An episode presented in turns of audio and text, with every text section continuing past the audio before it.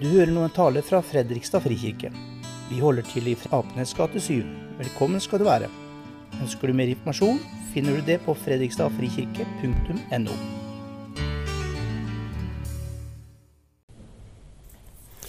Mennesker er komplekse. Vi har våre gode sider, men vi har definitivt også våre dårlige sider. Vi har noe som egner seg godt for å vise fram for andre, og vi har noe som trives best i skyggene. Vi har høyder, vi har dyp. Og det fins egentlig ikke så mange virkelige helgener i vår verden. Det fins ikke så mange som ikke har skyggesider i livet sitt. Sånn er det bare. Og det bekrefter egentlig det bildet som Bibelen tegner. For der møter vi mennesker på godt og på vondt. Virkelige mennesker. Og noen av de største heltene i anførselstegn i Bibelen, det er også noen av de som svikter grovest når ting kreves av dem. Bibelen snakker om noe som heter synd. Som egentlig er den destruktiviteten som følger oss mennesker. Denne grunnskaden som sitter dypt inni sjela vår. Og for mange, og kanskje for de fleste av oss som er her, tenker vi at det gir ikke så dramatiske utslag. Men at det bare pipler fram her og der i hverdagen. Men for noen så bryter det fram og ødelegger relasjoner, ødelegger fellesskap. Noen har noen indre demoner som de slåss med hele livet. Johnny Cash han snakket om udyret i mitt eget hjerte. Heltebilder de har en tendens til å slå sprekker. Idoler de viser seg at de likevel ikke er halvguder, bare alminnelige mennesker kunstnere. Ofte har de et komplisert liv, og kanskje var det med på å gjøre dem akkurat til de kunstnerne de var. Bare tenk på en som Vincent van Gogh eller Fjodor Dostojevskij eller Knut Hamsun eller Jens Bjørneboe. Jeg tror ingen er mennesker det ville være lett å leve sammen med. Den første sangen i dagens gudstjeneste Why don't you look into Jesus? Hvorfor, hvorfor prøver du ikke ut Jesus? Det er egentlig en sang som ble skrevet og tilegna Janis Joplin. Janis Joplin, kanskje den flotteste stemmen noen noensinne har hatt innenfor rock and roll. En scenepersonlighet som var helt unik, men med et forferdelig trøblete liv og 27 år gammel, så døde hun av en overdose. Og hun var en av flere på den tida som, som bukka under for det. Det var bare et par uker fra Jamie Hendrix, den store gitarlegenden, døde av sin overdose. Eller at Brian Jones, som grunnla Rolling Stones, døde. Og det har egentlig fortsatt ennå. Larry Norman var en som bevega seg mye i de miljøene. Han prøvde å peke på Jesus som en, en bedre vei. Hvorfor ikke prøve ut han isteden? For alt det de og vi prøver å fylle livet med for å gi det mening eller spenning eller trøst.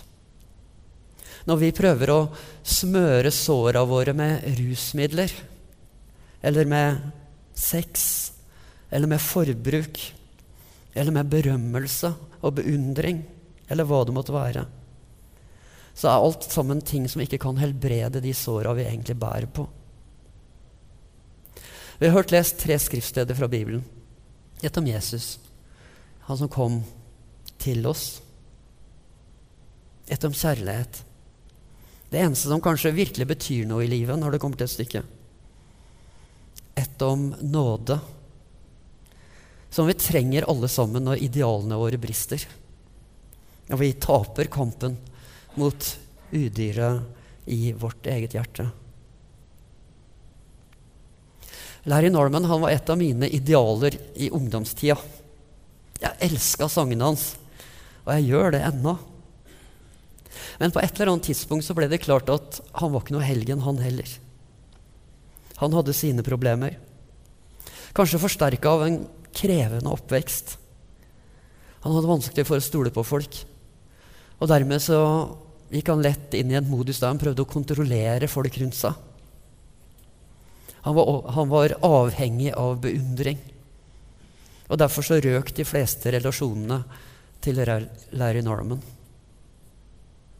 Og samtidig som han hadde dette komplekse, vanskelige livet sjøl, så ga han oss noen av de fineste sangene som er skrevet om Jesus, om kjærlighet, om nåde. Sanger som har gitt mennesker tro og håp. Sanger som har berørt hjerter. Sanger som har forandra liv. Og dette tenker jeg er en dyp sannhet om hva tro egentlig handler om, eller hva det ikke handler om. For tro er ikke en dimensjon vi får som løser alle våre problemer. Som gjør oss til helgener, som, som gir oss en vedvarende lykkerus, eller som sender våre indre demoner og udyr ut på de evige jaktmarker. Men det handler om å åpne livet sitt akkurat sånn som det livet faktisk er. For Jesus. For hans kjærlighet. For hans nåde og midt i egen svakhet og menneskelighet. Å, bruke, å kunne bruke det jeg er, og det jeg har, til å formidle noe av Guds kjærlighet og nåde til en verden som trenger det så dypt og inderlig. Og Hvis denne gudstjenesten skulle samles i ett hovedord, så er det ordet nåde. Nick Cave, som er også en kjent musiker, sanger som fortsatt lever, faktisk. Han har skrevet en gang om det moderne samfunnet vårt. At det har tatt med seg det verste fra religionen, og det er moralismen. Men det har mista det beste fra religionen, og det er nåden. Og Derfor så har vårt samfunn på mange måter blitt et moralistisk og nådeløst samfunn der det skal så lite til å falle utafor. Der det er så mye som stempler mennesker om hva man sier eller mener. Det er så lett å gjøre noe dumt. Og når offentlige personer gjør det, så blir de så sterkt fordømt. Nåde og overbærenhet er det lite plass til. Og sånn er det mange mennesker er overfor seg sjøl òg. Nådeløse. Så store krav til å lykkes. Så lett å falle igjennom. Så mye selvfordømmelse når det går galt. Og kanskje du har kjent på det sjøl. Guds nåde det er ikke en unnskyldning for å la våre dårlige sider få utfolde seg fritt. Men det er et grunnleggende syn på livet om at det faktisk er motsetningsfylt.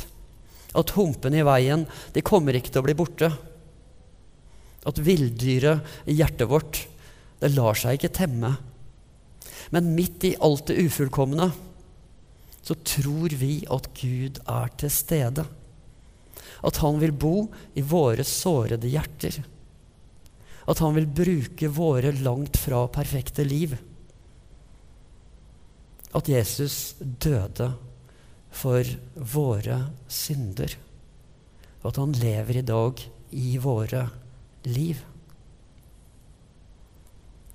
Put your life in Jesus' nail-scarred hands. Legg hendene dine i de sårmerka hen, Legg livet ditt i de sårmerka hendene til Jesus. Det er den sangen som kommer nå etter denne prekenen. Jesus vet hvordan det er å bli såra. Han gjorde det for oss, sånn at vi kan komme med våre sår, våre feil, våre synder, til ham som har blitt kalt the wounded healer, den såra helbrederen. Og så kan Jesus skape noe vakkert også i ditt liv. Og bruke deg som et redskap for fred et redskap for sine helbredende krefter midt i vår verden. Legg henda i de sårmerka henda til Jesus.